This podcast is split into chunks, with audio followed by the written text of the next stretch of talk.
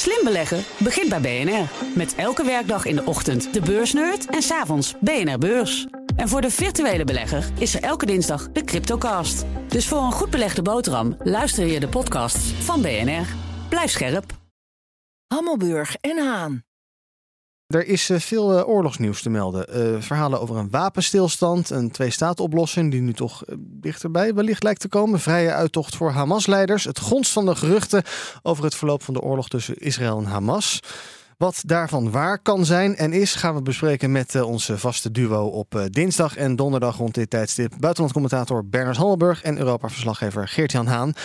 Heren, goedemorgen. Goedemorgen. Goedemorgen. we gaan zo meteen ook praten over Oekraïne, maar we beginnen even in Israël. Uh, allerlei Amerikaanse media die met uh, verschillende verhalen komen deze ochtend en afgelopen nacht. Laten we even kijken wat daarvan uh, klopt en kan kloppen. te beginnen bij Axios, Bernard. Het is een Amerikaanse nieuwssite.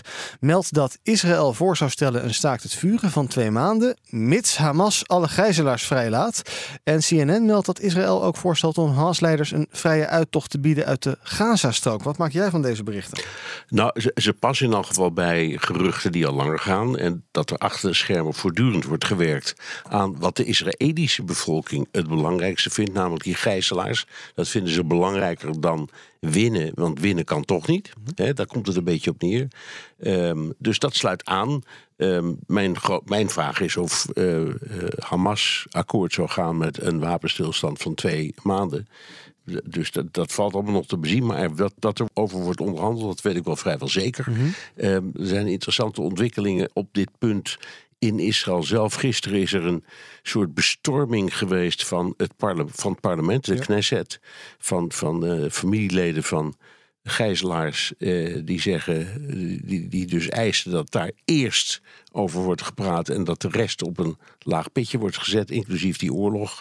Um, en uh, er zijn, uh, dat is ook heel interessant, uh, er is een, een meneer Eisenkat, dus die maakt deel uit van het oorlogskabinet, oud-opperbevelhebber van de krijgsmacht, die zelf de afgelopen weken een zoon heeft verloren in de Gaza-oorlog. Mhm.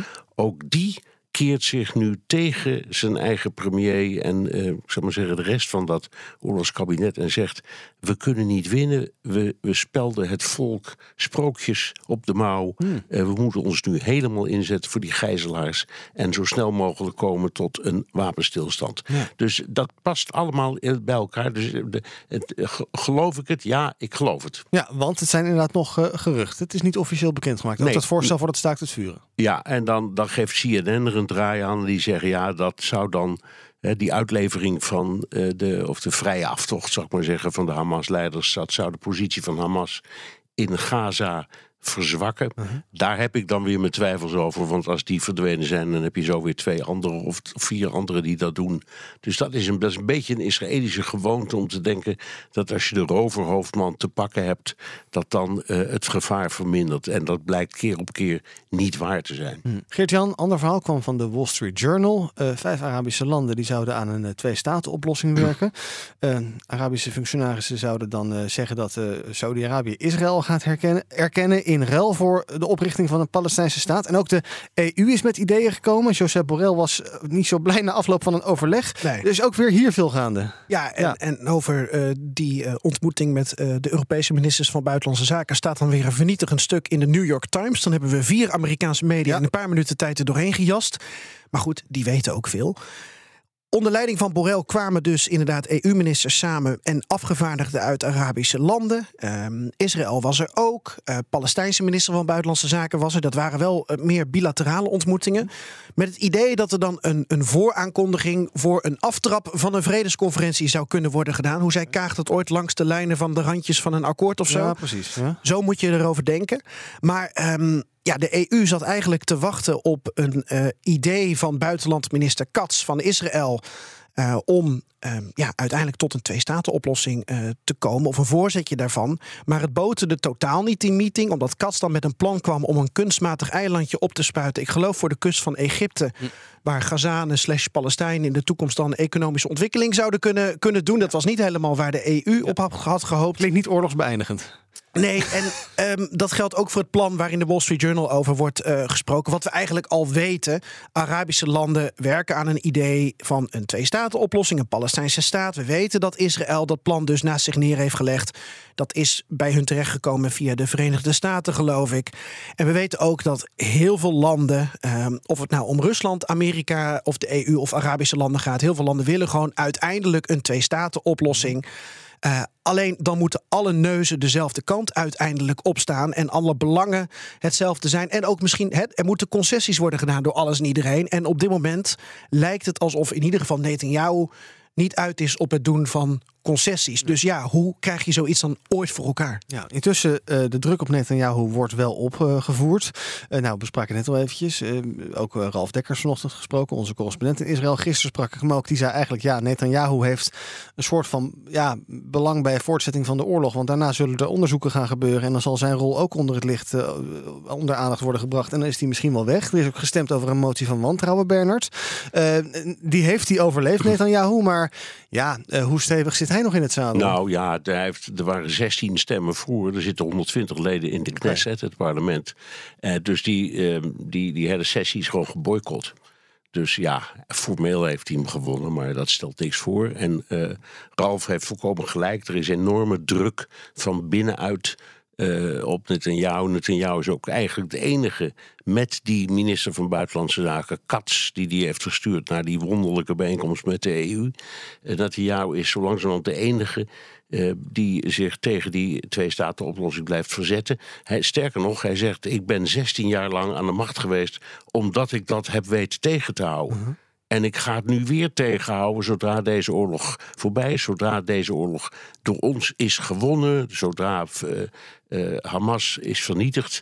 En zowel in het buitenland als in het binnenland begint iedereen hem zo langzamerhand een beetje met glazige ogen aan te kijken. Van man, leef je wel op dezelfde planeet als wij? Ja. We gaan even naar ons eigen continent, Geert-Jan. Uh, Rusland en Oekraïne. Die oorlog uh, speelt uiteraard ook nog steeds. Vrede lijkt ver weg.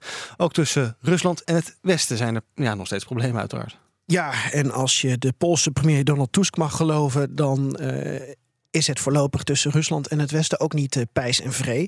Tusk die is uh, sinds kort premier in Polen en die bracht een uh, bezoek aan Kiev, aan Zelensky. En hij zei het volgende. Dzisiaj każdy w wolnym świecie, kto udaje neutralnego, kto udaje, że ma równy dystans albo prezentuje równy dystans do Ukrainy i do Rosji, zasługuje na to najciemniejsze miejsce w politycznym piekle. Mijn pols is wat roestig. Ik zal je helpen, Ivan. Uh, Tusk die zegt, ja, ik wil toch een oproep doen aan uh, Europese leiders, leiders van het Vrije Westen, die niet helemaal begrijpen waar Oekraïne vandaag de dag voor vecht. Um, iedereen in de vrije wereld die doet alsof je neutraal kan zijn en mm -hmm. geen kant kiest, die verdient een heel donker plekje in de politieke hel. Oké. Okay. En toen dacht ik, Ivan, ik heb Tusk dit eerder horen zeggen, zo'n referentie naar de hel, uh, in zijn tijd toen hij nog voorzitter was van de Europese Raad. According to, to our Pope, the hell is still empty, you know, and uh, it means that, that, that, that a lot of spaces. Ja, er is nog ruimte genoeg in de hel, uh, zei Tusk toen. Ook voor Poetin-versteers, die voegt hij er nu aan toe.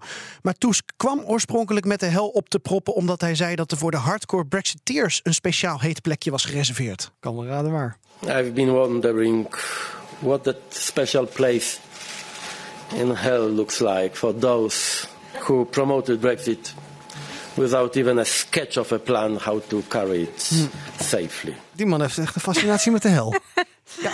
Ja, nou. en, en het is Misschien kijkt hij eruit. Een iets andere toon dan de vorige Poolse regering. Hij wil zich daar ook tegen afzetten. Uh, ook die Poolse regering onder Morawiecki had wel een, een felle anti-Rusland toon. Maar ook omdat de Poolse bevolking dat eigenlijk wel wilde. Van die PiS-partij. Uh, de vorige regeringspartij is bekend dat er vele aantegingen zijn dat ze Russisch geld zouden hebben aangenomen. En ook wel een beetje banden met het Kremlin zouden hebben. Zijn uh-huh. Boeken over volgeschreven. Maar we zagen dus wel die relatie tussen Polen en Oekraïne de laatste maanden verwateren. Met blokkades ook, hè, economische blokkades aan de grens. Poolse bewindslieden die vinden dat Oekraïne wel wat dankbaarder mag zijn. Nou, ik denk dat Tusk wil aangeven: uh, we zijn jullie buur en we zijn jullie bondgenoot. Ze schuiven misschien wel weer qua Havik-achtige toon iets op richting de Baltische landen. Met het verschil, Iwan, dat Polen serieus in defensie investeert. We hebben het in Nederland ook over die 2% NAVO-norm. Nou, Polen gaat richting de 4%. En vandaar ook dat Tusk in Kiev een nieuw defensiepakket heeft gepresenteerd voor Polen. En dat de afspraken zijn gemaakt over een veiligheidsgarantie voor Oekraïne. Oké, en door Polen dus. Polen levert die garantie. Ja, en hoe dat er precies uit gaat zien, weten we nog niet. Maar we hebben wel de afgelopen eh, weken gezien dat de Britten en de Canadezen ook een veiligheidsgarantie aan Oekraïne hebben afgegeven. En het idee is dat. Nou, zie voor je dat het Oekraïense leger één grote bingo-kaart is. En elk vakje moet worden ingevuld, een raamwerk. Nou, Nederland steunt Oekraïne met F-16's. We hebben een F-16-coalitie, we hebben Patriots, een Patriot-coalitie.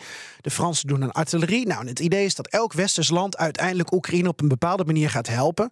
Alleen, het Oekraïense hoofdinlichtingen, die heeft in een interview gezegd... ja, dit is een gamechanger.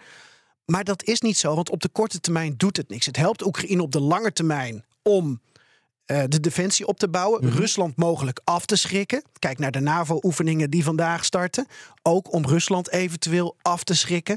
Maar of dat daadwerkelijk dan ook werkt, dat moet de toekomst uitwijzen. Dus gamechanger is een veel te groot woord. Ja, ik heb van jullie inderdaad wel geleerd dat gamechangers dat meestal dus niet zijn. Eh Bernard, eh, dit soort veiligheidsgaranties, tot, totdat eh, Oekraïne ooit misschien lid kan worden van de NAVO, ooit wellicht een keer misschien. Eh, Ja. Geloof jij daar, heb je daar fiducie in? Nou ja, het is precies wat Geert-Jan zegt. Dit gaat op een hele lange termijn. En, en ze zullen wel eh, heel eerlijk zijn in wat ze zeggen. Maar er zijn acute problemen. En dat gaat eh, over het aantal beschikbare manschappen waar ze problemen mee hebben. Het gaat over de slagkracht van de wapens. Het soort projectielen dat bij die wapens wordt geleverd. Engeland is nu het eerste land dat een wapen wil leveren of heeft geleverd waarmee je de Krim kunt halen. Dat is heel belangrijk. Er zijn heel veel deskundigen die zeggen die Krim dat is eigenlijk de sleutel waar het allemaal om draait. Eh, maar voor de rest is het heel veel gepraat. Ehm, en eh, eh, Oekraïne blijft zitten met het tekort aan wapens die, lang genoeg, die een, zeggen, lang genoeg bereik hebben. En met een enorm gebrek aan munitie. Dus klinkt mooi. Maar als je nu gebrek hebt aan munitie, dan weet ik niet of je heel erg gelukkig bent met de verzekering dat dat in januari 2027 in orde is. Nee, heb je liever gewoon spullen. Dank eh, voor jullie eh, blik op eh, deze twee oorlogen. Buitenlandscommentator Bernard Hammelburg en onze Europa-verslaggever, dat is Geert-Jan Haan. BNR Headlines. De hele dag binnen- en buitenlandse politiek. In Nederland hebben we geen munitiefabrieken. De hele dag economie. vijf dagen in de week bezorgen. Dat kan niet uit. De hele dag technologie. Amerikanen weer op de maan. Heb je eigenlijk geen tijd, maar wil je toch op de hoogte blijven? BNR Headlines. Het laatste nieuws, maar dan in het kort. Ga naar je podcast-app en abonneer je op BNR Headlines.